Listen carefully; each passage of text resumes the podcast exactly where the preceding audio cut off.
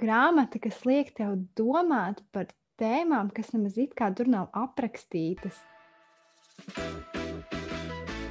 Tie gadījumi ir tik dažādi, ka tiešām katrs kaut ko var atrast, kam līdzpārdzīvot, kur saskatīt sevi, kur nu, tā, lasīt rūpīgāk un mēģināt varbūt pāanalizēt sevi ar grāmatas palīdzību. Aija, paldies, ka tu mani sagatavoji pirms šī raidījuma, jo savādāk es vienkārši nokristu no krēsla. Sveicināti raidierakstā piedzīvot lapuses. Sveicināti jūnijā! Vai jūs jau pasūdzējāties, ka ir par karstu? Sveicināti! Mēs atkal runājam par iepriekšējā mēnesī izlasīto. Un šodien runāsim, protams, par maiju. Un kā vienmēr ar mani šajos mēneša apskatos ir Sandra, kuru Instagramā jūs varat sameklēt ar vārdu pielasīt sirdi. Čau, iet, čau, zene, čau, klausītāji! Un, un ar mani kopā, ar mums kopā, ar jums kopā šo, šodien, šovakar, jo mēs ierakstām atkal naktī. Jā, arī ar mums kopā ir arī Zane, kuru Instagramā meklējiet uh, ar vārdu Mom Who Reads a Lot. Čau, Zane, kuru joprojām daudz lasa. Čau visiem! Nu, ko, parunāsim par to, kas tad ir izlasīts un piedzīvots maijā. Un vispirms, kā vienmēr, sākam ar mūsu patroniem. Šomēnes, pa, pagājušajā mēnesī, mums ir pievienojies viens jauns patrons. Tas ir Girts. Paldies, Girt, ka tu esi pievienojies atbalstītājiem. Girts ir arī mans brālis, bet es viņu nepiespiedu kļūt par patronu goda vārds. Viņš pats to izdarīja brīvprātīgi. Jebkurā gadījumā paldies, kā vienmēr, ikvienam patronam. Un šomēnes mēs patroniem uzdāvinājām vienu jaunu sēriju, vienu jaunu sarunu, kuras temats bija mammas literatūrā, jeb mātes tēls literatūrā. Un mēs saņēmām arī vairāku patronu, dažu patronu komentārus ar ieteikumiem tēmas papildinājumā. Es domāju, ka ir diezgan interesanti kļūt par patronu, piedalīties diskusijā, jā, klausīties mūsu pārdomas par šiem, par šiem tematiem un arī redzēt citu atbalstītāju viedokli un grāmatu ieteikumus. Kā jums patika, dāmas, šī saruna? Kāds, kāda jums bija pēcsajūta vai, vai atmiņas par šo sarunu, kas notika īstenībā pavisam nesen salīdzinoši? Man liekas, ka mēs kaut kādā ziņā skatījāmies to mātes lomu no tās tumšās puses. Un uh, kaut kādu uh, pavisam gāju, nu, kaut kādas problēmas skatoties, un uh, kaut kādas uh, pārdomas. Un, uh, kaut kā varbūt pietrūka tas, tas pavisam gaišais. Par to vispār jāpadomā, kur literatūrā ir tādi pavisam gaišie mātes tēli. Mm, jā, man līdzīgs izjūtas kā Sandrai. Un man liekas, ka latviešu literatūrā vispār mums ir ļoti maz gaišie tēli kā tādi. Bet mēs vienkārši lasām pārāk drūmas grāmatas. Mums laikam patīk raudāt un mest grāmatas pret sienu. nu, ko meklēsim tad, tad to gaišumu jūnijā, cerams. Ko jūs labi izlasījāt pagājušajā mēnesī? Maijā, saulainajā. Nē, tas bija īstenībā briesmīgi augsts mēnesis. Es šausmīgi nosalu maijā. Bet kā bija grāmatās? Mm, Gan drīz neko. Es atkal biju kaut kādā nelasīšanas purvā, jo bija jālasa Kalvīno, un es vienkārši divas nedēļas viņu marinēju. Es viņu negribēju lasīt. Gribēju viņu sviest, viņu, viņu sviest pret sienu bet izlasīju pāris skaistas bērnu grāmatiņas, pārlasīju savu mīļāko bērnības stāstu par zeltmatīti. Un ar māju izlasījām ķiverēnu, kas ir vienkārši fantastisks. Mums zūmu lapusēs ieteica, vai ne? Un uh, vienkārši fantastisks, nenormāli dārgs, nenormāli, bet tik skaists un tas stāsts tik filozofisks. Bet es nezinu, cik daudz mājas sapratu, grūti jau tam bērnam ielīst tajā galvā, bet Viņa klausījās atvērtu muti, un man bija brīžiem jāapstājas, bet paga, mm, jā, tā tiešām ir. Tā tiešām ir. Es nezinu, ko viņi saprata tiešām no tā, bet tās ilustrācijas es vienkārši nevaru. Un bija bibliotekā, un es vienkārši ieraugu, tas vāciņš tāds ne, necils, vienkārši maz tāds ķiverēts, un tāds matēts tas vāks un iespiests ķiverēts. Un, uh, oh, tā nav tā grāmata, paņem atver, jā, ir. Viss tik skaisti sapunktot, šis noteikti ir, uh, šī noteikti ir tā grāmata, kuras vē, dēļ ir vērts tērēt 20 plus eiro, nevis kārtējam bestsellerim, bet tieši šim. Un uh, vēl kas man šomēnes patika, es pat gandrīz neko neesmu izlasījis, lai tā baigi komentētu. Bet es izlasīju Kārļa Vērdiņa gatavo dzēju, ko sākumā es nevarēju saprast, vai man patīk, bet pēc pāris dienām es atkal izšķirstīju un sapratu, ka man patīk. Dzēja tiešām ir visur. Šis tomēr ir tāds uh, netradicionāls uh, dzējas izdevums, tā kā tā konceptuālā dzēja brīžiem bija rīktīgi smagi lasīt, jo tur bija arī tādas uh, nežēlīgas ainas, bet brīžiem atkal likās, bāc, kas tas par sviestu, vienkārši kaut Google meklēšana vai igauņi tiešām ir lēni un tādā garā. Un, bet viss kopumā, es nezinu, kaut kā baigi interesanti, ir vērts ieskatīties. Un uh, man vairāk nav ko teikt. Vēl man patīk ļoti guļošais policists, protams, jo Ieva Samauska ir mīlestība. Par, par ķiverēnu es klausījos, kaut kad maijā bija Latvijas Nacionālās bibliotēkas organizēta konference par bērnu literatūru, tieši latviešu bērnu literatūru. Un tur Latvijas Universitātes profesore, es diemžēl neatceros viņas vārdu, to es varētu noskaidrot, varbūt Google ļoti kritiski izteicās par ķiverēnu tieši tā vizuālā koncepta dēļ, ka tie vāki ir tādi laikam ļoti uh, samtīgi, samta noformējumā. Viņi ir tādi, ja viņi nav parasti. Tādi rupji, tā kā, es teiktu, tā kā līns vairāk, nevis kā samts. Jā, nu, ka tas ir audums, jā, jā. auduma vāki, un, un ka vai tad tādu grāmatu, nu, ka nu, tā galvenā kritika vairāk bija par to, ka tā nav patiesībā bērniem domāta literatūra.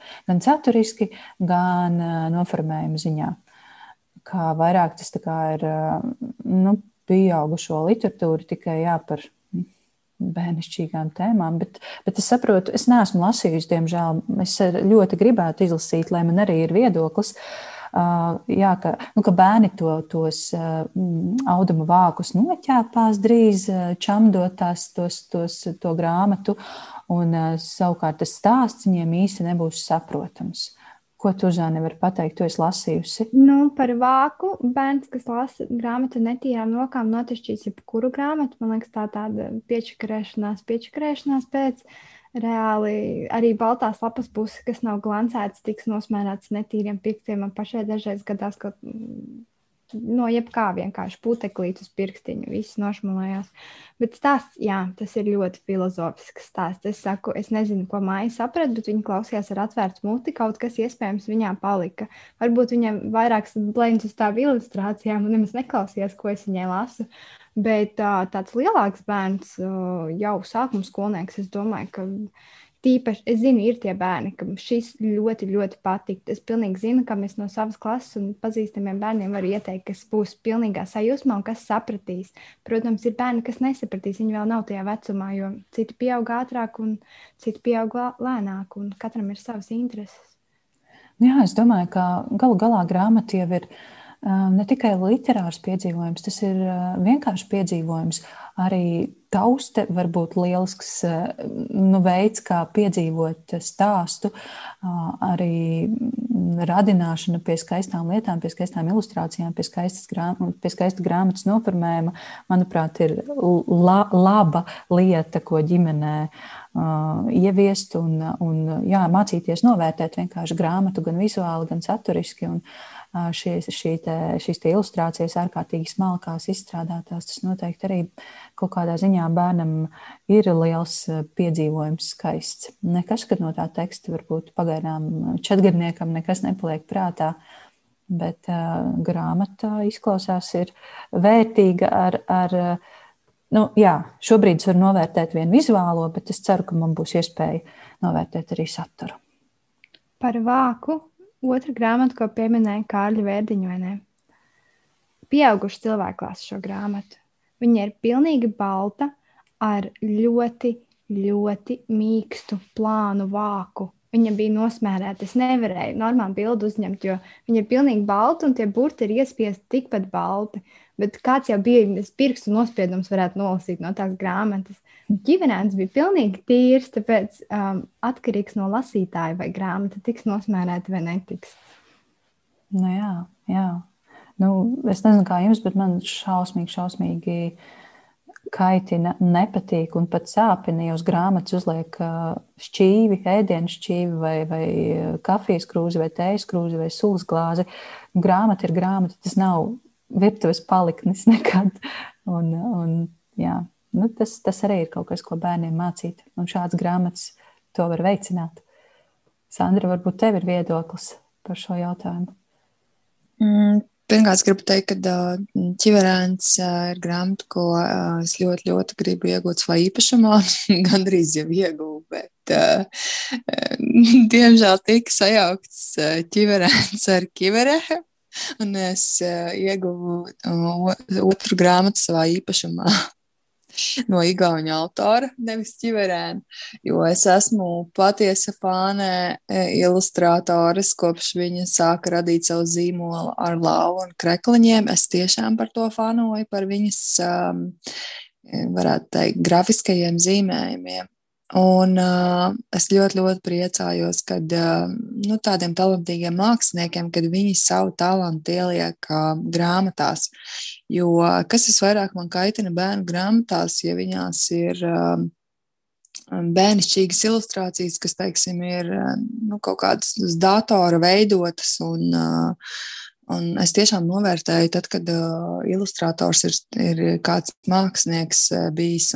Tādējādi tas ir ne tikai grāmata, kā saturiskā, bet viņa ir arī kā uh, vizuālā un kā mākslas, pilnīgi kā mākslas darbs un mākslas no, uh, tāds nu, tā ieguldījums tā nākotnē. Jo, uh, ja mēs aizejam uz muzeju un apskatāmies gleznas, un tad viņas tiek uh, izstāde, tiek novākta, tā grāmata ir kaut kādā ziņā tomēr paliekošā formā. Un runājot par to nostādījumu, kad bērni nesapratīs, es atvainojos, katra otrā grāmata ir, kur mēs varam strīdēties, kad šis vai tas bērns tajā vecumā nesapratīs. Un vēl viens aspekts ir tāds, kad kurš pirmām kārtām ieliek šajā nišā, kā bērnu grāmata. Tad, kad izdod grāmatu ar ilustrācijām, viņu automātiski pieskaita pie bērnu grāmatām, bet, kā mēs zinām, arī pieaugušiem ir ilustrētas grāmatas un teksts. Tāpēc katrs, kas spēj tekstu pieņemt, var teikt, ka tā ir pieaugušo grāmata. Vienkārši nu, Latvijas tirgū, ja viņi nostāda kā pieaugušo grāmatu ar ilustrācijām, viņi varbūt neaiziet tirgū tik ļoti kā, kā visiem, kas saprotams, ka, ja ir ilustrācijas, tad tā ir bērnu grāmata. Tāpēc es šodien nevajag fokusēties un lai piedod man profesoru, bet man liekas, tāda muļķīga nostādījuma, jo šī grāmata tiešām ir, nu, cik es esmu arī redzējis no lasītājiem atsauksmes, viņa tiešām ir vizuāls baudījums, ko ļoti unikāls rokraksts ir šī šiem grafiskajiem attēliem tik niansēti izstrādāti un, un tiešām nu, tāds baudācija. Tā kā es labprāt uh, iegūšu savā īpašumā, īpašumā šo grāmatu un ceru, ka uh, nenotiks man vēl kāda šāda kļūdiņa un uh, ne, nedabūšu atkal igauņu autoru grāmatu. Bet runājot par māja grāmatām, mm, es varu piekrist tikai zenei. Man ir iestājies pilnīgākais kaut kāds tāds, es nezinu, vai pavasara dūlums galvā vai kas, bet es nespēju fokusēties rakstītajam tekstam. Es bieži vien apstājos un skatos, kad es skatos uz lapusi. Jau ilgāku laiku, nevis uz tekstu. Es vienkārši tekstu nespēju sagramot, pat, pat ja man ļoti gribētos.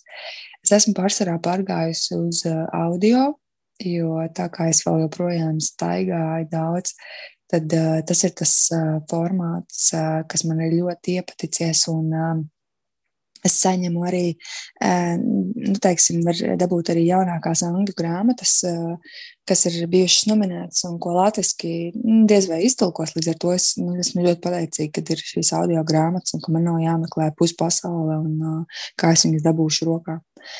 Un viens no, no šiem darbiem, ko es gribu teikt, pēc misijas lasītājas ieteikuma. Tā ir grāmata The Choice, un viņa tiešām bija kā odziņa mūsu 2. maijā grāmatā. Ja, vai tu gribētu par to parunāt? Uh, jo mm, šī grāmata, lai arī ir par uh, holokaustu un, uh, un uh, Edītas Sēgara nu, dzīves stāstu un piedzīvojumu, uh, viņai kā ebrejietei, uh, viņa ir arī kā uh, psiholo, psiho, psihoterapeite strādājusi vēlāk savā dzīvē un tieši saistībā ar traumām, ar nu, smagiem gadījumiem. Un Viņa arī piemin ļoti daudz pacientus un viņu problēmas. Un pilnīgi likās, ka es atrodos kaut kādā terapijas kabinetā.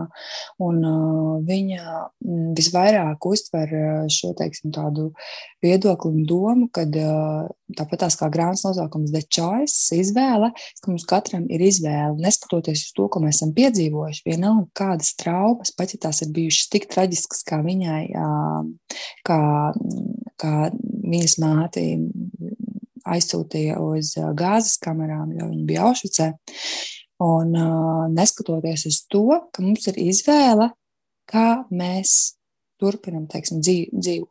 Nu, teiksim, vai mēs to skatāmies, kā tas mūsu dzīvi sabojā, vai mēs jebkurā gadījumā skatāmies uz ko mēs pozitīvo varam skatīties un dzīvot tālāk.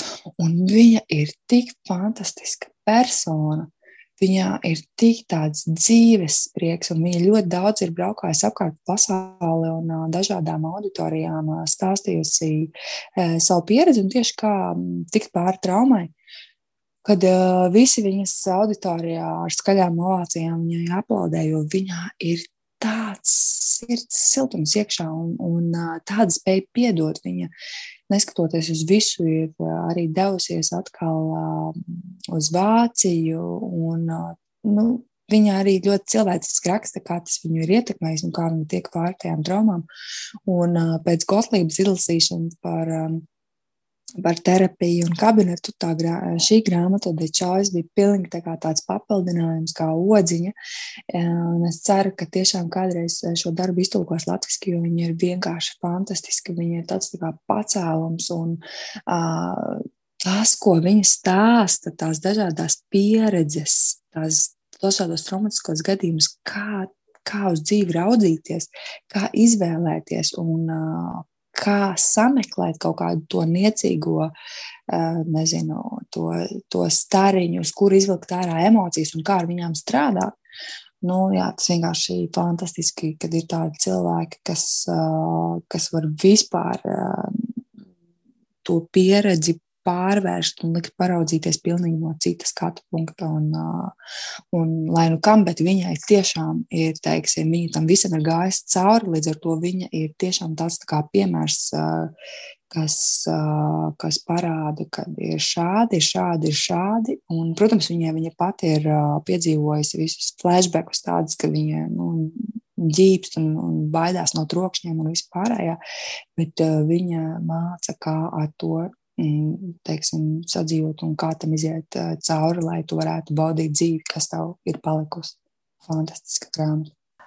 Jā, zinu, kā, man liekas, ka šādas grāmatas lasot, eh, pastiprinās tā sajūta, nu, ko mēs taču īstam par mūsu mierīgajām, lieliskajām, eh, komfortablajām dzīvēm. Bet, nu jā, katram jau tā sava pasaule ir tā svarīgākā. Bet katrā ziņā šādu pieredzi izlasot, eh, droši vien, ka ir mazliet mm, vienkāršāk, varbūt eh, vieglāk sameklēt arī savā dzīvē kaut ko pozitīvu un gaišu. Hmm. Es runājot par mani, ja kādam interesē, ko es esmu izlasījusi maijā, tad es varu pievienoties Zanai un Candrai un, un teikt, ka man ir absolūta, ap, absolūta vati galvā, un es tieši tāpat raugos lapusēs un domās, esmu kaut kur citur. Tur varētu būt vainīgas gan studijas, kas tiešām ir paņēmuši ļoti, ļoti, ļoti daudz manas uh, mana prāta un ah, visa, visa, visa, visādu citādu emociju. Un vispār es uh, sapratu, ka ir jūnijas, un es neesmu vēl uh, salikusi gudrībā, sarakstījusi atsauksmes uh, marta grāmatām visām. Tā kā jā, nu, vienkārši ir baigais bardaks galvā, dzīvē un uh, pasaulē. Bet uh, maijā šķiet, es izlasīju, tas bija maijā, jā, es izlasīju alpīnistu liepiņu grāmatu Pamirs uh, mana sirds mīlestībā, un tas varētu būt viens no spilgtākajiem maija lasīšanas piedzīvojumiem.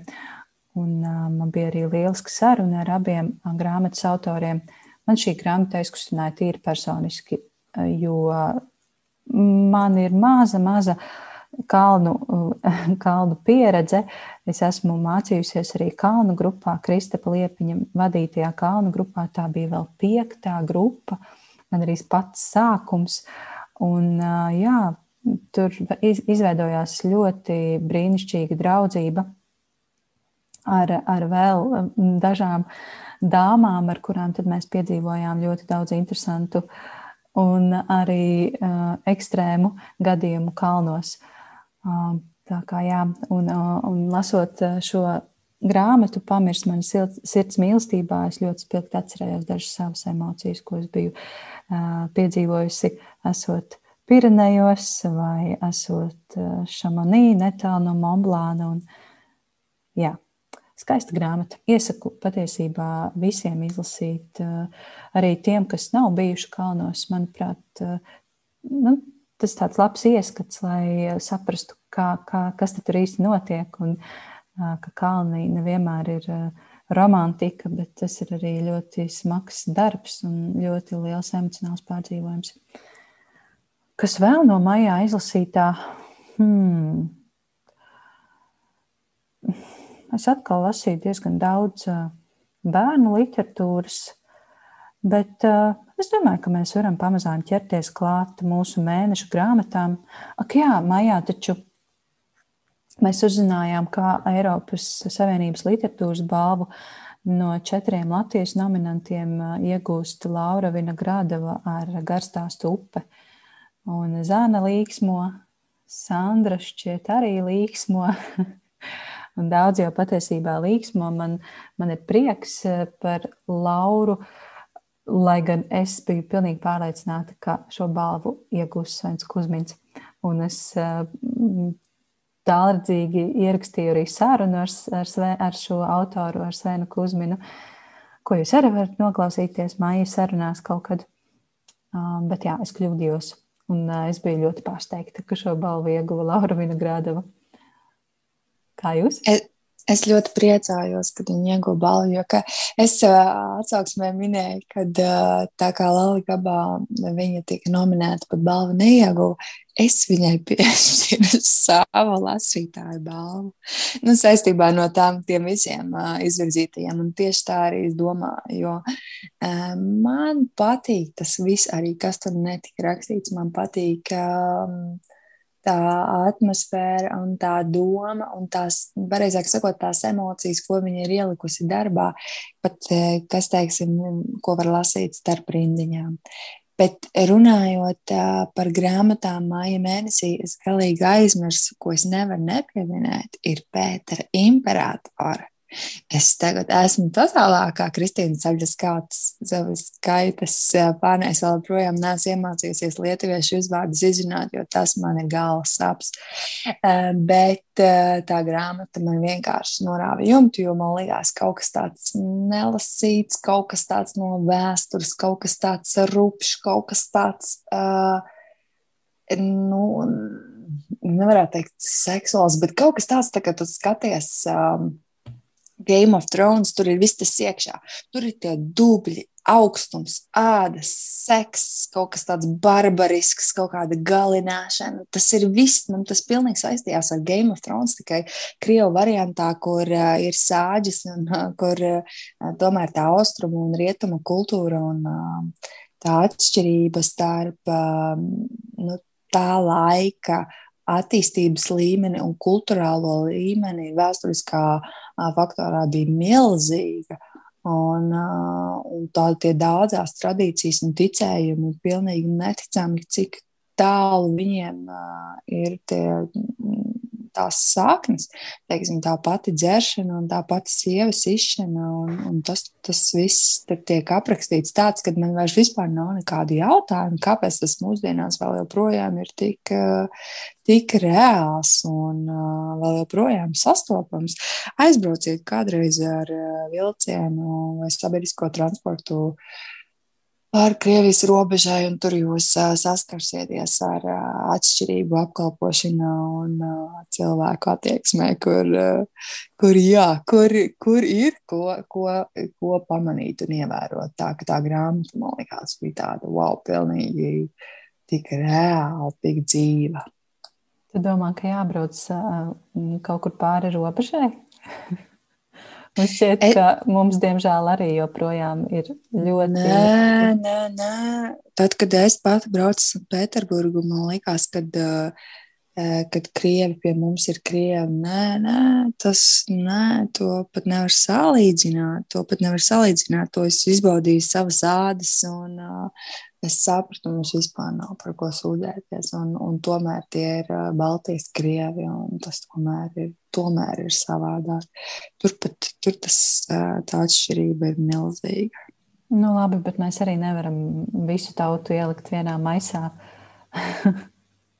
ja tur, tur arī protams, ir nē, protams, nē, man ir draudzene no, draudzenes no uh, Krievijas, kas ir vienkārši nu, fantastiskas. Un, un viņu es vispār nu, nevarētu ielikt vienā maisā. Un, uh, gan kultūras ziņā, gan uh, attiecību ziņā vienkārši fantastiskākie cilvēki. Uh, un, nē, protams, nē, es to nekad nesalīdzinātu. Protams, nē, tie nav visi cilvēki. Un, un ir arī ļoti tuvu draugi no Krievijas.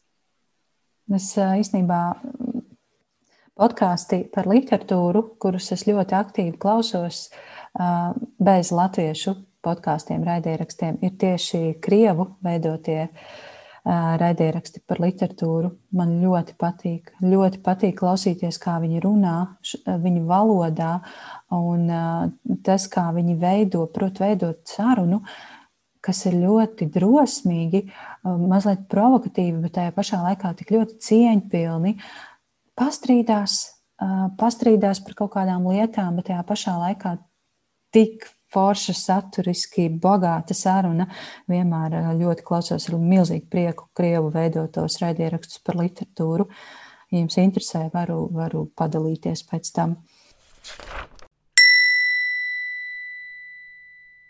Nu, ko ķeramies klāt mūsu mēneša grāmatām? Varbūt mums ir daudz runājama droši vien gan par Delfīnas Devigānas no un es, gan arī Lorijas Gotlības. Varbūt vēlēs ar kādu par to parunāt. Ar kuru sākam? Ar dzeltu no pienīti. ar Vigānu. Ai, es gribu dzirdēt tavu viedokli, jo uh, par zēni es kaut ko esmu dzirdējusi, par sevi es kaut ko esmu dzirdējusi, bet par āju neko es nezinu.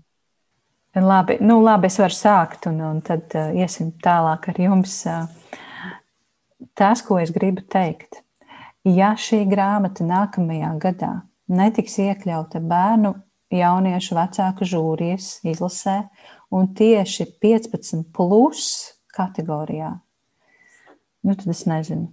Nu, tad es kaut ko nesaprotu totāli no literatūras. Nē, nu, tas pie bibliotēkas. Jā, Nē, nu, nu šī ir šī, šīs beidzot, lūk, šī, šī grāmata ir tā, par kuru es gribu teikt, tā ir totāli jauniešiem. Beidzot, grāmata, kas runā, manuprāt, runā viņu valodā, jo tas, kā šī galvenā meitene jūt galvenā meitene, galvenā varone. jūt, domā, tas ir tik ļoti raksturīgs jauniešiem. Tas, kā viņi grib izmainīt visu pasauli un liekas, ka tas ir iespējams, tas ir, tas, tas ir noteikti tikai jaunības maksimālismā. Tas notiek tikai tajos 15, 16, labi, viņai bija šai meitenei grāmatā 13 gadi, bet viņa tiešām ir mazliet jau pieaugusi, nu, šķiet, pieaugušāka nekā 13 gadnieki. Mm, jā, es ļoti, ļoti ceru šo grāmatu ieraudzīt bērnu jauniešu vecāku žūrijā nākamajā gadā. Uh, un es, es, jā, es pat gribētu, lai arī lojalitātes būtu 15, plus kategorijā. Bet, ok, pieņemu, ka tur vairāk varbūt svarīgāk to darbu būtu izlasīt vecākiem un, un pedagogiem. Tad šis nones gan, manuprāt, ir jauniešiem. Bet, protams, to var, to var lasīt jebkurā vecumā, jo jebkurā vecumā uh, ir svarīgi nu, domāt par par lietām mums apkārt. Man ļoti patika šis vārds lietas, kad mēs kā pieaugušie vienkārši pieņemam kaut ko pašsaprotamu. Lietas ir tādas, kādas tās ir, un tur neko nevar darīt. Bet jā, galvenā varone, kā viņu sauca, Lū, vai ne? Kā viņa mēģina pretoties šīm, šīm, šim pieņēmumam, Tas ir ļoti skaisti un ļoti romantiski savā ziņā. Ļoti skaists pieaugšanas stāsts, manuprāt. Bet, ja es varētu pateikt kādu kritiku šai grāmatai, tad tā kritika ir ļoti līdzīga tai, ko es teicu par Vinogradavas upi. Nu, kaut kā te bija mazliet par daudz. Man ļoti sajūsmināja sākums, Man, un beigās man, beigās man viss ļoti skaisti saslēdzās kopā. Kaut kur vidū man likās, ka ir par daudz uh, sižetisko līniju. Tur ir šī māte, kas ir uh, piedzīvojusi milzīgu zaudējumu. Tur ir vēl kaut kas uh, tā, tā kā simpātija līnija ar šo puisi, Lukasu. Nu, Un tas arī pašas meitenes pārdzīvojums, šī viņas it kā šis viņas ģeniālais prāts, kas kaut kādas vairākas sižeta līnijas, kas līdz galam šķiet, ka neatrisinās. Bet tomēr beigās, paldies Dievam, man bija laba sajūta pēc grāmatas izlasīšanas. Man nebija tas, tā, tā, tā pēcgarša, ka pagaidi, nu, tā kā viss ir palicis atvērts un, un, un, un neaizvērts. Nu, tas īsumā, tās īsumā ir manas pārdomas. Zane? Mm, man ļoti patika, protams. Piekrītu, Delfīna Devigāna ir vienkārši fantastiska rakstniece. Par žūriju, jā, lūdzu, 15 plus šo un cukura bērnu, lūdzu. Um, mans brālis it kā lasīja cukuru bērnu, viņš neizlasīja, vienkārši pastāstīja stundā. Ķēms mazais. Un uh, balstoties uz manu Instagram un vāciņas aizmuguri. Bet Es viņam saku, bet varbūt tomēr izlasi, nu, paskaties, tev neliekas interesanti. Jā, tā nekas. Mm. Uh, bet uh, šo es noteikti arī viņam bīdīšu plauktā um, par no un es. Um, es. Man bija tik daudz jautājumu beigās, tā kā grāmata, kas liek tev domāt par tēmām, kas nemaz it kā tur nav aprakstītas vienkārši paliec uz jautājumu zīmes. Es pēc šīs grāmatas arī vienkārši brīdi, kaut kādas trīs dienas man vajadzēja, varētu kaut ko palasīt, bet bāc. Nē, man vēl ir jāpadomā. Un gan šis aspekts, kā ir pastāstīts uh, par jaunieti, kas dzīvo uz ielas, kas diemžēl ir ļoti liela realitāte Latvijā arī, bet ne tik ļoti kā attīstītajās valstīs, kas ir uh, Francija, Vācija, Skandināvija un, um, un citas. Um, viņiem nevar palīdzēt, jo viņi dziļi iekšēji ir tik ļoti salauzti, ka tu jau vari sniegt viņam šo pajumtu, bet, bet vai tas kaut ko atrisinās, ja viņš, tu nespēji salabot cilvēku? Kaut liekas, ka tu esi palīdzējis kādam, patiesībā tu neesi viņu salabojis, jo tas nav vienkārši iespējams bez viņa pašas, paša iniciatīvas un, un, un domu maiņas. Es nezinu, te man liekas, no vajadzētu izlasīt mūsu otru mēnešu grāmatu, bet, bet es kaut ko dotu. Es nezinu, tas ir tik, tik sarežģīti. Kas katram ir galvā, mēs vispār nevaram ielīst. Mēs kā ielienam tajā lūgu galvā un saprotam, ko viņa domā un kā viņai pa vadiņiem viss iet uz priekšu, bet, bet tik un tā mēs nesaprotam, kas notiek. Lūra vienkārši brīnišķīgi jaunieti, vairāk tādas, bet tad vēl tas puisis, ka šis kā šie trīs spilgtie tēli un visi viņi ir tik sarežģīti. Puisis, ko vecāki ir, var teikt, atstājuši. Meitene ģeniāla, ko vecāki mīl, bet māte nespēja pārdzīvot zaudējumu. Un tad no, kurai nav pilnīgi nekā, tikai kaut kāda cerība par puisi, kas beigās nevar teikt, bet trīs pilnīgi atšķirīgi, bet trīs pilnīgi salauzti cilvēki. Man liekas, varbūt viņiem ir vēlme ar kādu par to parunāt.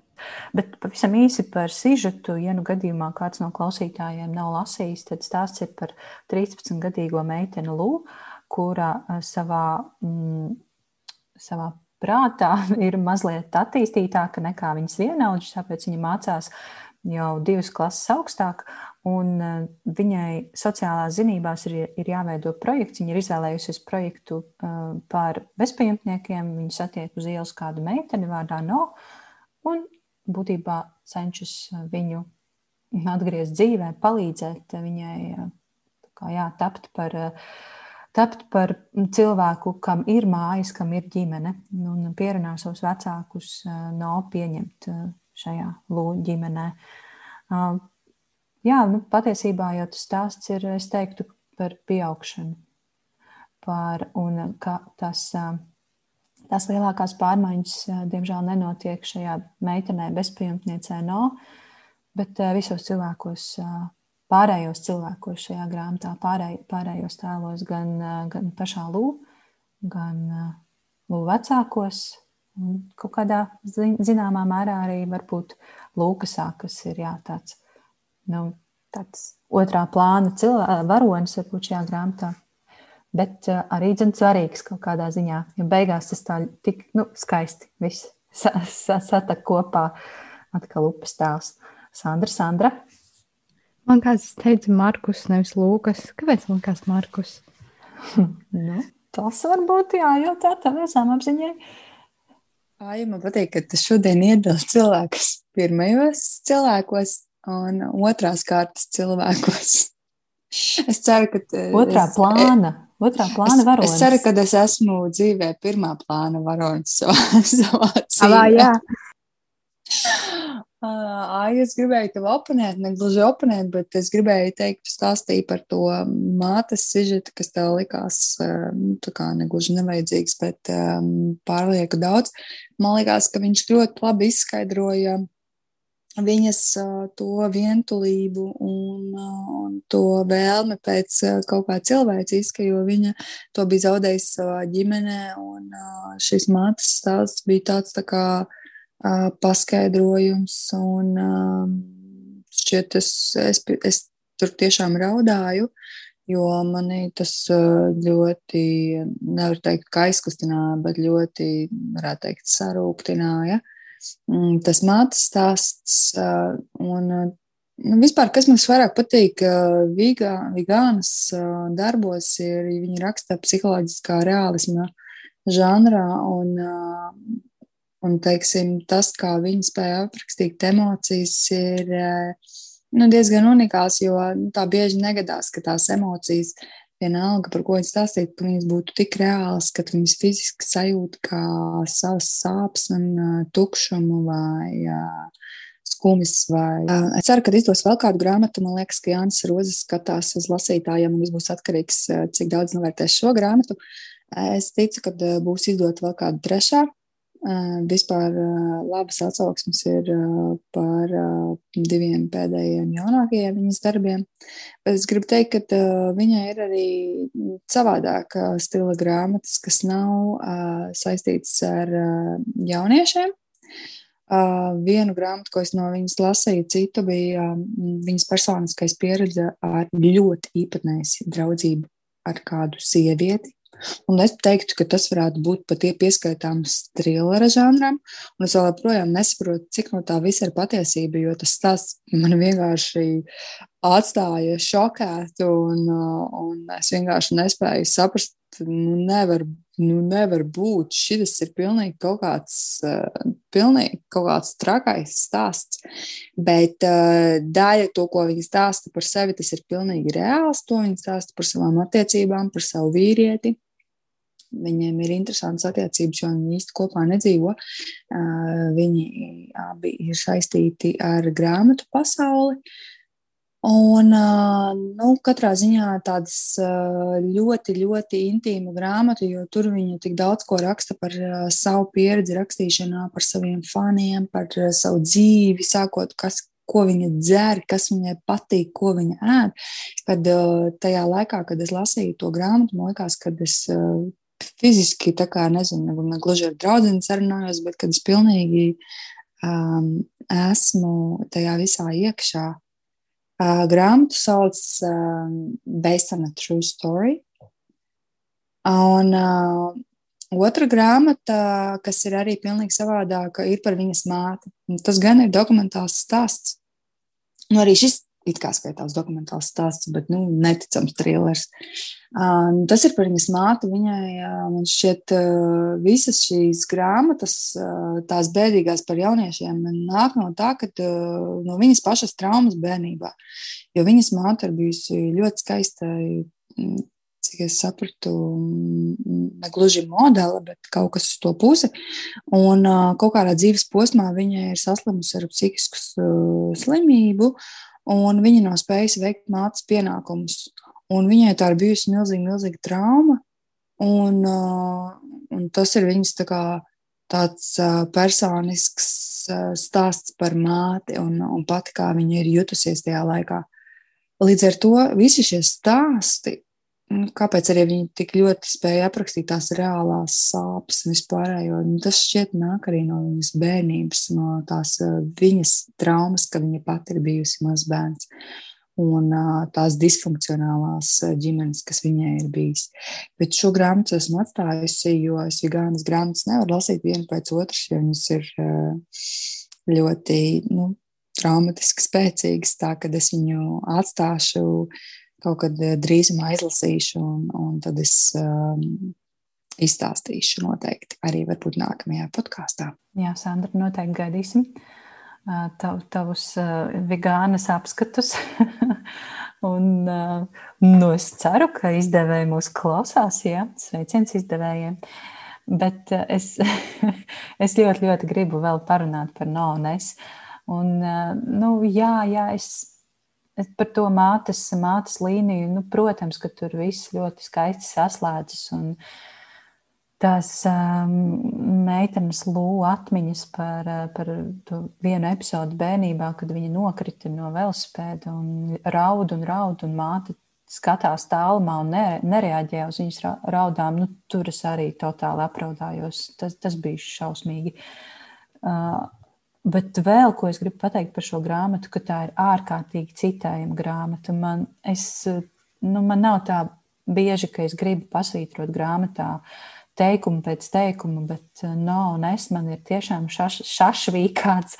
Šī grāmata ir nu, ar zīmolīti. Ap, ap, tur ļoti daudz apvilktu citātu un ļoti daudz visādu uh, atziņu un domu. Un, nezinu, kaut vai, kaut vai viens no tiem. Ja jums ir kaut kas, varbūt palicis prātā vai pasvītrots vai izrakstīts, varbūt jūs arī varat izlasīt Zana Sandra. Te ir par vardarbību. Pirms biju satikusi no, uzskatīju, ka vardarbība izpaužas kā kliedziena, sitiena, cīņa un asinis. Tagad zinu, ka arī klusēšana ir vardarbība, ka reizēm tā nav redzama ar neapbruņotu aci. Vardarbība ir laiks, kas apklāj brūces, dienu nepielūdzamais ritējums, neiespējama atgriešanās pagātnē. Vardarbība ir tas, ko nespējam aptvert, tā klusē un nerādās. Vardarbība ir tas, kam nav izskaidrojama, tas, kas uz visiem laikiem paliks tumsā tīts. Ak, Dievs, Aija! Jā. Šo citātu tikai angliski es rakstīju savā pirmajā atsauksmē tieši pirms gada, kad es vēl nezināju, kad vispār šo grāmatu tulkos. Un uh, man šis citāts ļoti, ļoti spēcīgi palika atmiņā. Tas, protams, ir angliski. Uh, es nezinu arī, protams, kāds ir angļu tulkojums salīdzinot ar francusku, jo es nevaru salīdzināt. Bet uh, šis par to klusumu tas likās, jā, nu, tas tik labi pateikts un tik tā, tā tiešām ir tas, tas, tas nu, tik dzīvi, tik dzīves citāts. Mm -hmm, jā, un tas sasauc, nu, tieši sasauc ar to mātes sižetisko līniju, ar šo mātes noslēgšanos, absolūto noslēgšanos sevi, ar depresiju, ar, ar sērām, un tikmēr nu, viņai auga vesela, gudra, skaista meita.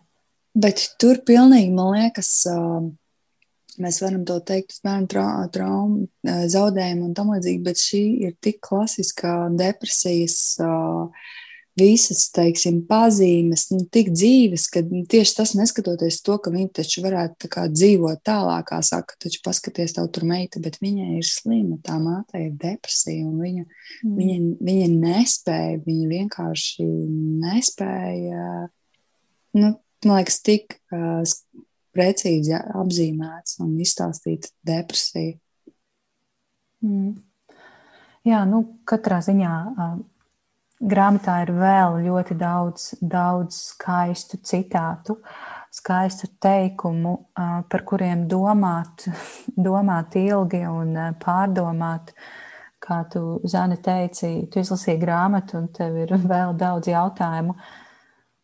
Jā, varbūt tev, Zana, arī ir kāds citāts vai teikums, ko tu gribi nolasīt. Es ceru, ka mums autortiesības nepiešķirs akalā, neatsūtīs kādu sodu? Es neesmu izrakstījis vai salikusi līmlapiņas, jo parasti kāds viņas izrauja, kāds kāda. uh, bet es atceros, ka bija, tagad es nevaru atrast, bet bija, ka viņi pieminēja mazo princi. Un uh, ka iespējams vajag kādu, ko pieredzināt, ka tas ir, ka tas, ir tas svarīgais.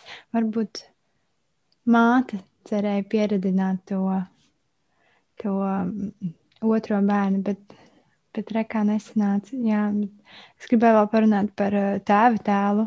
Un kā jau es mums čatiņā ierakstīju, ka šis tēls ir jā, jāpiemina, kad runāsim par stipriem tētiem, jo apbrīnojami, vienkārši apbrīnojami. Cilvēks ir tik stiprs, un es domāju, tur viss būtu tā izšķīdis, ja nebūtu šis nenormāls spēcīgais tēvs, kas, kas centās šo ģimeni kopā likt. Tajā pašā laikā viņš it kā ignorē to faktu, uh, Bet es domāju, ka tas ir tas, kas viņu vēl noturēja pie tā visa, lai, lai viņš pats neizšķīst, kā tas jau bija noticis ar viņu sievu. Mm. Vairāk tādus tēvus. Jā, jā pilnīgi noteikti. Um, kaut ko vēl es gribēju teikt. Es gribēju teikt, ka noteikti lasiet šo grāmatu. Ļoti, ļoti iesaku no sirds. Dodiet lasīt, lasīt saviem pusauģiem. Uh, un lūdzu, ja klausās skolotāji, uh, 9. klase, varbūt pat 8. klase, kad, kad tiešām nu, tā, tā vēlme mainīt pasauli ir tik sakāpināta, tad, tad šī grāmata ir skaista. Tas ir skaists pārdzīvojums. Un te ar jauniešiem, ar, ar, ar tiem devītklasniekiem tiešām var runāt. Nu, te, te var izvērsties lieliskas sarunas, ļoti dziļas. Domāju, ka labas sarunas. Noteikti lasiet, jā. Ko lasa mūsu, ko lasa? Ko saka mūsu sekotāji, klausītāji par šo grāmatu? Mums ir daži, kas atzīmēja arī mūsu savās atsauksmēs, lai gan daudz jau paspēja šo grāmatu izlasīt pirms mēs tikām pie, pie eksemplāriem, par ko, protams, liels paldies izdevniecībai Jānis Roze. Es saņēmu atsauksmi, īsu atsauksmi no Aigas Kurmes, kas raksta: Lieliska, spraiga un aizraujoša grāmata, man patika, iesaku izlasīt. Un arī īsa atsauksme no Evitas. Grāmata ir no pusauģa meitenes skatu punkta, kad liekas, ka netaisni, ka kādam nav sava gulta, krūze, mājas. No Nā un Lū ceļi krustojas, saskaras ielas un parasti jauniešu dzīve. vecums, kad liekas, ka var izglābt visu pasauli. Un uh, Evita šo grāmatu ieteiktu visiem, kas lasa. Vēl arī misijas lasītāji rakstīja, ja tu nepateici, vai ne? Droši nolasi. Jā, mm, viņi raksta, ka uh, Vigānai ir īpašas spējas ļoti emocionāli spēcīgi uzrakstīt par fiziski un emocionāli pamestiem bērniem un skaudri lasītājiem izstāstīt, ko pieaugušie šādā veidā nodara bērniem. Um, tāpat arī Vigāna runā par nērtām tēmām. Un uh, katrā ziņā viņai ļoti, ļoti patika. Un, uh, un viņa saka, ka šis stāsts ir uh, lasīšanas vērts un viņa to noteikti ietekmē. Un šeit viņa ir uzrakstījusi tādu citātu: Suņus var pieņemt pie sevis uz mājām, bet ne bezpajumtniekus. Un tāds uh, skādrs citāts. Mm -hmm. Man ir arī atsauksme no Vitas Ozolas, kas raksta tā. Nespēja Lūija īsti uztvert kā 13 gadnieci, bet uztvēra viņu tiešām kā pāris gadus vecāku jaunieti, kur apjukusi ar jautājumiem par dzīvi. Piemēram, vai tiešām mēs šajā pasaulē esam tik mazi, tik bezspēcīgi mainīt lietas un palīdzēt citiem, pat ja ļoti to vēlamies ja lojalitātēs bija stāsts par zēnu, kuram pietrūka atbalsta, kuram ne paša vecāki to spēja sniegt nekā cits, tad no ir Lū un Lūkas, kuri ir gatavi palīdzēt, bet nespēja. Jo varbūt tiesa ir salīdzinājumā, ka bērnībā bērns veidojas kā trauks. Ja tas izveidojas skaists un netraumēts, tajā turas iekšā viss labais, ko tur ieliek.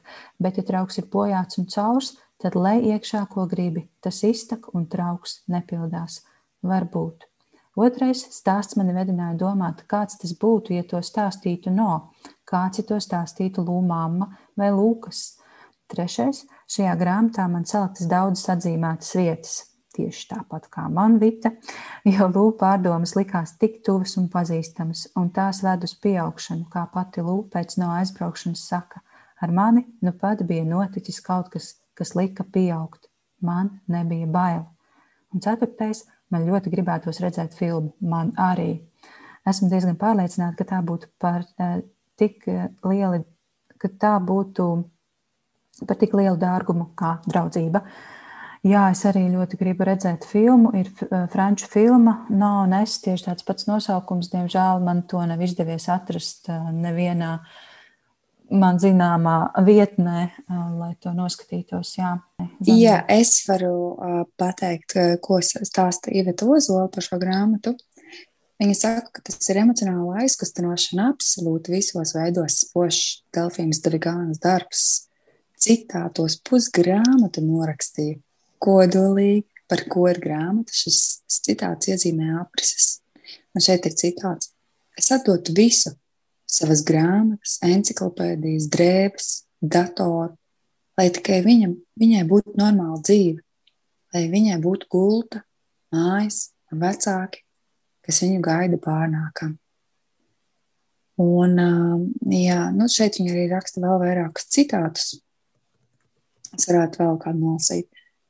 Māte klusē. Es gribētu, lai viņa mani apskauj, lai man noglāsta pieri, matus, lai piekļauj savu klāt, līdz es pārstāju jāsot. Un tad es nodomāju, ka arī tā ir vardarbība. Nespēja pastiept roku uz manu pusi.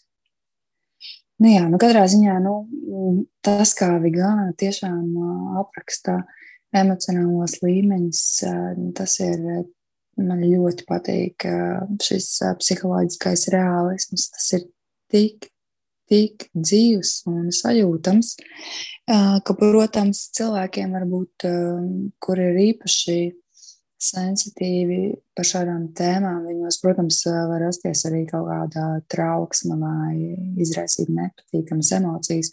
Tāpēc es nevaru teikt, ka šī grāmata ir pilnīgi visiem, bet uh, tie, kas, teiksim, bauda un tiem, kuriem patīk tādas spēcīgas, emocionālas, drūmas grāmatas. Šī ir vienkārši nu, tāds gards gabaliņš. Vēlreiz paldies izdevniecībai Jānis Roze par iespēju izlasīt Delfīnas Devigānas grāmatu No un Es. To jūs varat iegādāties visās Jāņa Rozes grāmatnīcās. arī interneta veikalā jānisroze.lv.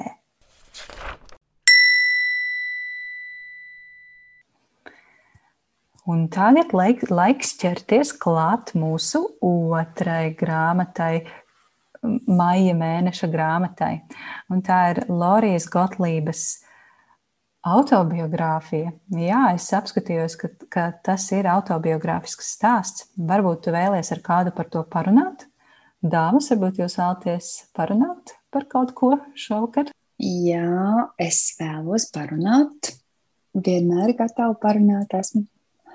Jā, šī grāmata, mm, es tā arī sapratu, ka tas ir autobiogrāfisks darbs.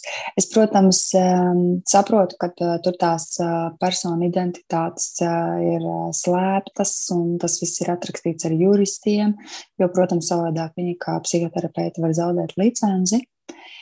Katrā ziņā mm, es biju no sākuma novijusies, domājot, ka tas būs vairāk pašpalīdzības grāmata ar kaut kādām konkrētām tēmām un nodaļām, par kā dzīvi uzlabot un tam līdzīgi. Bet nē, šis tiešām pārsteidza mani ar to, ka šis romāns ir vairāk kā vienkārši literārs darbs, kurš stāsta par autoras privāto dzīvi un nebūšanām, un tajā pašā laikā tā kā viņas profesija ir psihoterapeite, tad viņa arī stāsta par saviem pacientiem un arī par savu psihoterapeitas ciešanu pie sava terapeita. Tad daudz to vārdu psihoterapeita Man labāk patīk izmantot uh, terapeitus bez tā psiho. Man patīk, ka visvairāk, kad šajā grāmatā, kā viņi teica, kad viņiem ir savs jociņš. Latviski gan tādu jociņu nav, bet angliski, kā jūs zināt, tad terapist rakstās kā the rapist. Un tad viņiem, kā psihoterapeitiem, ir tas savs jo, jociņš par to the, the rapist, ka viņi ir tā kā uh, nu, Latvijas tulkojot, uh, tas ir izvarošana, bet nu, tur tā vārdu spēle tāda.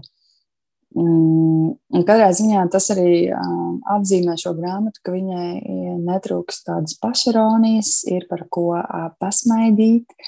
Uh, un tajā pašā laikā, uh, ko visvairāk šī grāmata uzsver, uh, to, ka uh, terapisti ir nekā, tā, tādi paši cilvēki kā jebkurš ar savām problēmām, savām domām, un arī viņiem pašiem uh, teiksim, uh, tās emocijas un domas, ko viņi iegūst no saviem pacientiem un ikdienā strādājot, viņiem pašiem tas tās pēc tam ir jāsagramo.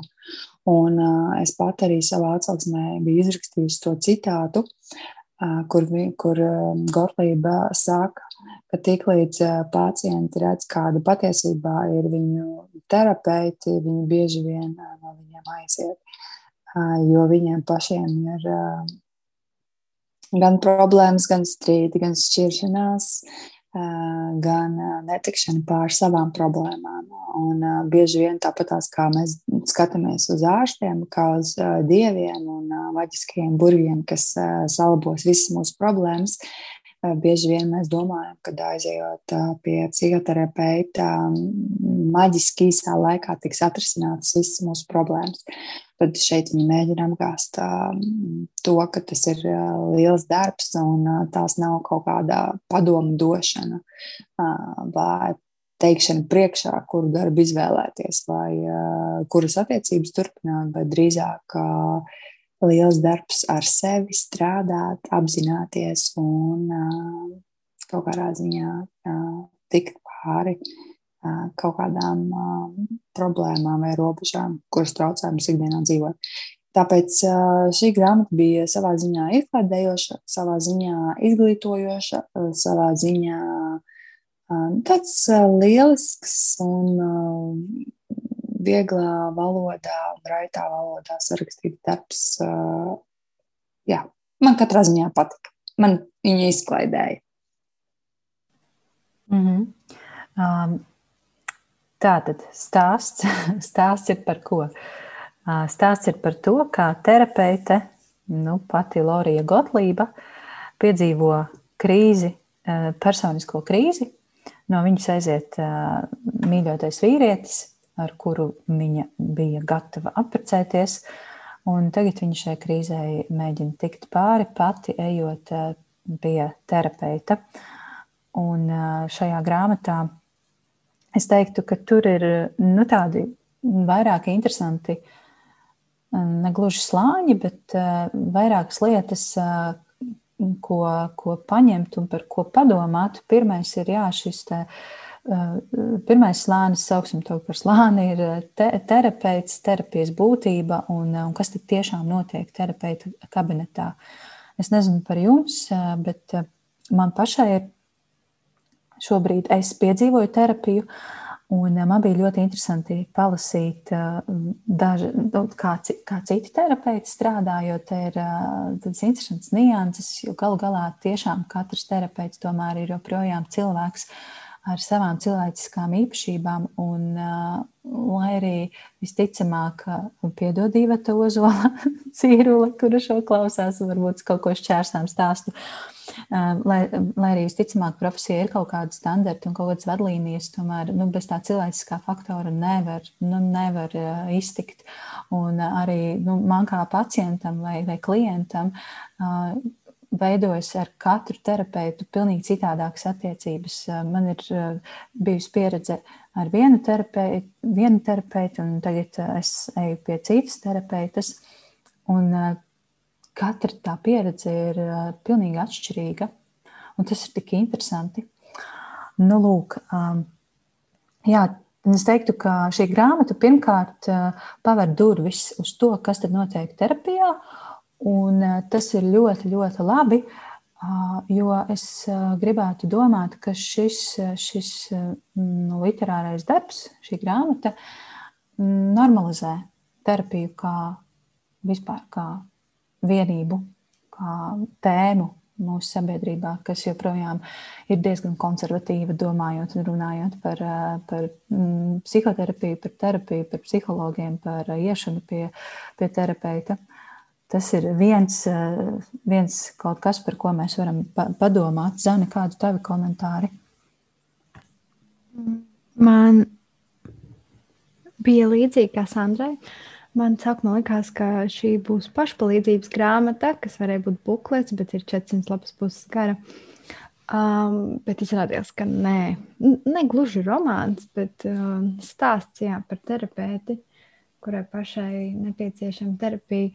Bet, manuprāt, šis noteikti varētu būt tāds lielisks grūdienis tiem, kas varbūt vēlas ar kādu par to parunāt un, un, un uh, aktualizēt to, ka uh, jebkura krīze vai problēma nav pārāk maza, lai par to neparunātu, jo katram tā var būt izšķiroša.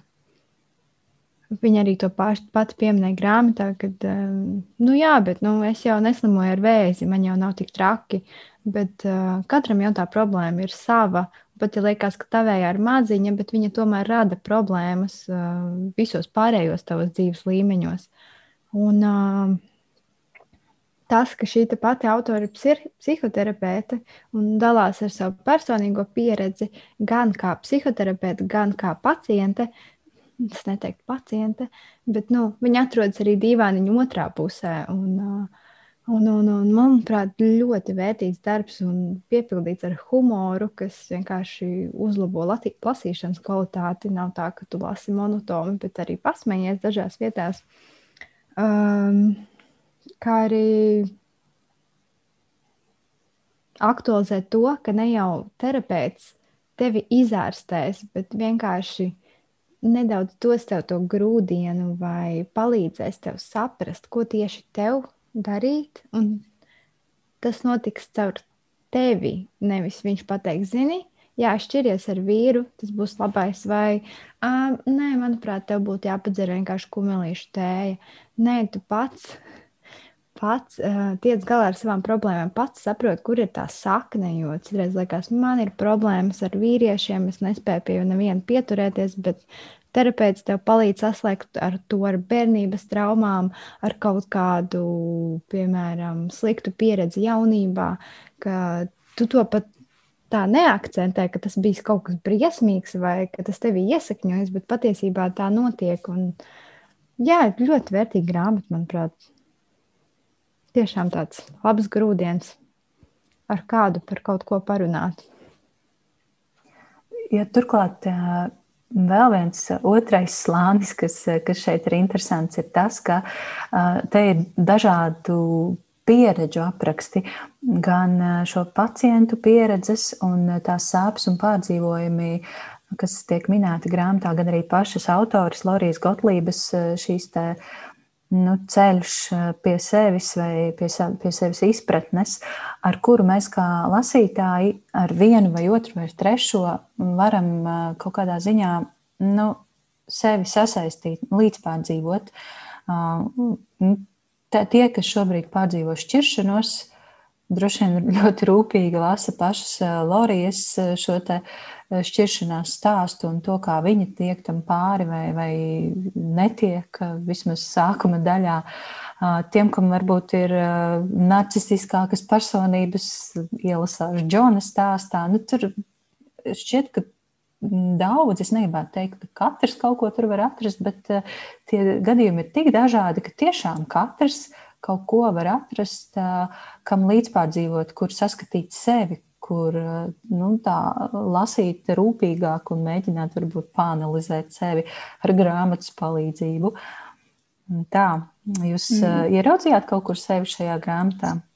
Sevis īpaši nemeklēju, bet uh, Džona stāsts man īstenībā ļoti uh, patika, jo um, nu, tas tikai vēl vairāk pierāda, ka uh, kaut kādai tādai ārējai negativitātei vai noraidījumam vainošana citu cilvēku vai nolikšana, nolikšanai zemāk par sevi, patiesībā slēpjas kaut kas dziļāks. Un, un tas, kā viņš īstenībā beigās viņai uzticējās un atklājās, tas bija tāds, kā angliski saka, revealing. Nu, tāds, nu, ļoti, man liekas, interesanti. Un, un, un tas tiešām stāsts bija kaut kas tāds, kad nu, man liekas, katram terapeitam liekas, tāds sapnis ir nevis, kad uh, tev kāds aiziet prom no tevis un pamet, bet kaut kādā ziņā vismaz vienreiz tik ļoti atklājas nu, kā personība. Man ļoti patika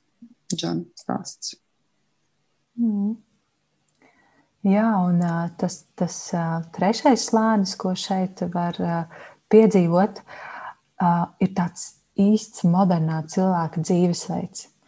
Lorija Gotlība un viņas šis stāsts, kā viņa nu, būtībā maina 28 gadu laikam viņai bija, kad viņa sāka izlemt, ka viņa studēs medicīnu.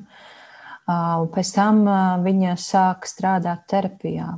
36 gados viņa beidzot tiek pie sava bērniņa, izmantojot spermas bankas palīdzību. Viņa, jo viņa ir vientuļā māte, kas pati to ir izvēlējusies. Un tas ir tāds nu, moderns cilvēka dzīvesveids, un šī grāmata parāda, ka tu pirmkārt tu vari mainīt eh, savu karjeru, jebkurā vecumā gandrīz, ka nekas nav neiespējami. Un eh, ka tu vari būt vecāks arī viens, ja vien tu tā vēlies. Um, jā, es, eh, es domāju, ka šeit šis arī ir vērā ņemams, vērā ņemams aspekts. Kā paraudzīties varbūt plašāk uz mūsu iespējām dzīvē, uz to, kas mēs varam, kas mēs gribam būt. Tas man arī likās interesanti, šis modernā cilvēka dzīvesveids, un palasot par Loriju Gotlību internetā, nu, tā arī ir. Viņai ir 55 gadi, un, un viņa šķiet arī nemaz nav precējusies joprojām, vai varbūt ir kāds, kāds pēdējos gados varbūt kāds parādījies vīrietis, bet nu, acīm redzot, ne, nu, nav tas varbūt nu, tik svarīgi. Viņai ir vēl vairākas grāmatas, un šķiet, ka viena ir par to, par to izvēli nemeklēt to īsto vienīgo vīrieti savā dzīvē, bet nu, dzīvot, dzīvot nost. Ah, un starp citu, top seriāls pēc šīs grāmatas. Varbūt tu vēlies ar kādu par, par to parunāt top seriāls, bet uh, tas ir tiešām tapšanas stadijā un, un nezinu, kad būs skatāms. Ko saka mūsu lasītāji, ne, bet mūsu klausītāji? Ir viena atsauksme no Ievas, misijas lasītājas. Un, jā, kāda varbūt Zana, varbūt tu vari nolasīt? Pacientu stāsti lika sakāpt kamolam kaklā par dzīves trauslumu un par negaidītiem dzīves pavērsieniem, kurus neviens nav gaidījis un nekad nevar būt gatavs. Tādēļ visticamāk neviens cilvēks nespēja ar to tikt galā pats, un visdrīzāk palīdzēt pilnībā nevar arī tuvinieki. Taču šeit brīnišķīgi tiek aprakstīts, kā šādos brīžos var palīdzēt labs terapeits. Kā var palīdzēt sev pieņemt lēmumus, piedot, sērot par zaudējumu, bet turpināt dzīvot, un kā palīdzēt aiziet no dzīves pēc smagas slimības. Kas vēl ir svarīgi, grāmata atgādina, ka tas ir normāli nezināt, kā reaģēt uz kāda sāpēm slimību vai traģēdiju, un nevajag tēlot, ka zinām, vai izvairīties no sarunas. Tā vietā varam atklāti pateikt, ka nezinām, ko teikt. Taču varam piedāvāt savu laiku, lai būtu kopā tā, kā tas, kuram tas ir vajadzīgs vēlas. Manuprāt, grāmata uzrunā plašu auditoriju, jo tā būs interesanta gan tiem, kurus interesē praktiskā psiholoģija, gan tos, kurus interesē dzīves stāsti. Man interesē abi. Tādēļ grāmata man patīk un viennozīmīgi ir vērtīga lasām viela, ko iesaku izlasīt. Kā mēs iesakām šo grāmatu izlasīt? Visiem. Lai saprastu, ka neviena krīzīte nav par mazu, lai par to neparunātu. Grūti pateikt, kā mēs iesakām izlasīt, jo viņa tiešām ir tāda mm, grāmata, ko tikpat labi viņu var lasīt. Uh, kā izklaidējoša, un tajā pašā laikā viņa nav tikai tāda uh, viegla un uh, tikai nu, tāda virspusēja. Viņā ir arī tas dziļums, jo ataino dažādas problēmas un kā tu teici, var meklēt sevi, var nemeklēt sevi, bet kaut kādā ziņā mēs varam saskatīt vismaz cilvēkus, kādu savu blakus.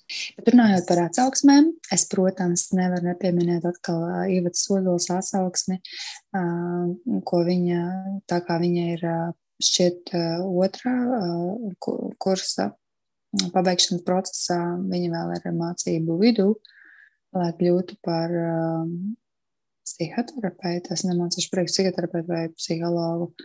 Un, um, tā ka viņa šo grāmatu lasīja, protams, savādāk, skatoties kā, mm, no paša terapeita puses. Un, uh, viņa saka, ka viņai ļoti patīk, kad uh, uh, šī grāmata ir izdota latviešu, jo pie mums joprojām pastāv stigmatisms. Uh, un uh, daudz mītu un uh, mītiskā saistībā tieši ar uh, terapiju. Un, uh, tāpēc centiens normalizēt mentālās veselības nozīgumu ir vērtīgs. Un, uh, jā, tā klasiski ataino speciālistu ikdienu, darbu ar klientiem, pārdomas par dzīvi, situācijas, kurās nokļūst, emocijas, ko pārdzīvo. Uh, Un, nu, katrā ziņā viņi novērtē šo grāmatu ar pieciem aboliem, vai kā mēs citi sakām, ar piecām zvaigznēm. Tā kā viņa, viņa nesaka, kā par citām grāmatām, kad ir daudz kļūdu un izdomājumu. Tā kā grāmata tiek atzīta par labu esam. Un man šķiet, ka, Ivet, tad, kad pabeigsi mācības, tev jau būs vesels trīs klientītes no piedzīvo podkāsta. Tā kā pieraksti mūs jau uz konsultāciju. Sagatavo mūsu diagnozītes. um, nu jā, tas, tas ir uh, klasiskais variants, par ko arī starp citu Lorijas Gotlības grāmatā ir rakstīts, tad, kad viņa aiziet uz, uz kādu ballīti un viņai jautā, nu tu tagad sāksi mani analizēt? jā, noteikti. Uh, Jā, katrā ziņā paldies izdevniecībai Helios par grāmatas izdošanu latviešu valodā. Paldies arī par grāmatas eksemplāriem. Šo grāmatu varat iegādāties visās Latvijas grāmatnīcās, visticamāk Jānis Roza grāmatnīcās, kā arī izdevniecības Helios mājaslapā izdevniecība helios.lv. Labi, dāmas, vai jūs esat gatavs ienirt jūnijā? Ļoti esmu gatava. Man ir tādi plāni vienkārši jūnijā nenormāli. Pilnīgi viss ir saistīts ar lasīšanu. Plāni jau tiek ieviļņoti. Es gribēju teikt, vai tad nav jūnijas jau? Laikam ir maija, Sandra, saņemies. Nu, ierakstām mēs maijā, bet eh, klausītāji šo klausās jau jūnijā. Tā tad ir jūnijas. Un, un mums pamazām jāienirst jūnijā. Un es mūsu klausītājiem gribu teikt, ka jūnijā uh, jūs mūs vēl dzirdēsiet. Un droši vien, ka pašā jūlijā sākumā, kad mēs atskatīsimies uz jūnijā izlasīto, bet nu, tad gan mēs aiziesim mazā vai, vai lielā atvaļinājumā. Uh, Gribēju teikt, pensijā. Nu, kā kurš? labi, es iešu pensijā. Man ļoti vajadzētu mazu radošo pauzi, kas cerams radīs vēlmi atgriezties kaut kad atkal raidierakstā. Bet pagaidām, jā, gribas atpūsties. Un es domāju, ka arī Zanē un Sandrē mazliet jāatpūšas, jo, kā jūs dzirdat, nemaz tik veikli mums ar to lasīšanu neiet. Un varbūt, ka ir vērts vienkārši atslābt un nedomāt ne par ko. Bet uh, jūnijā mēs vēl, mēs vēl tiekamies, un uh, jūnija mēneša grāmata man tagad tā ir svinīgi jāpaziņo. Un, nu, es esmu atradusi kaut ko, kas uh, palīdzēs mums visiem sākt šo jauko atvaļinājumu sezonu, kad mēs ļausim atpūsties saviem ķermeņiem, saviem prātiem, saspringtajiem, un mēģināsim tad kopā paskatīties, palasīt, vai Bela joprojām ir tikpat neveikla, un Edvards joprojām ir dzīves. Jūnijā es aicinu Zani un Sandru lasīt Stefānijas Meijeras pusnakts sauli, kas ir piektā grāmata sērijā par vampīru Edvardu un vienkāršo meiteni Bellu, kas beigās laikam arī kļuva par vampīri. Un, jā, šis ir stāsts no, no Edvarda skatu punkta. Es mēģinu saprast, es centīšos saprast, vai manas sajūtas būs tikpat spilgtas un spēcīgas kā tālajā jaunībā. Es tik ļoti vēlos atgriezties tajos gados, kad man, man vēl bija iespēja visu izdarīt pareizi.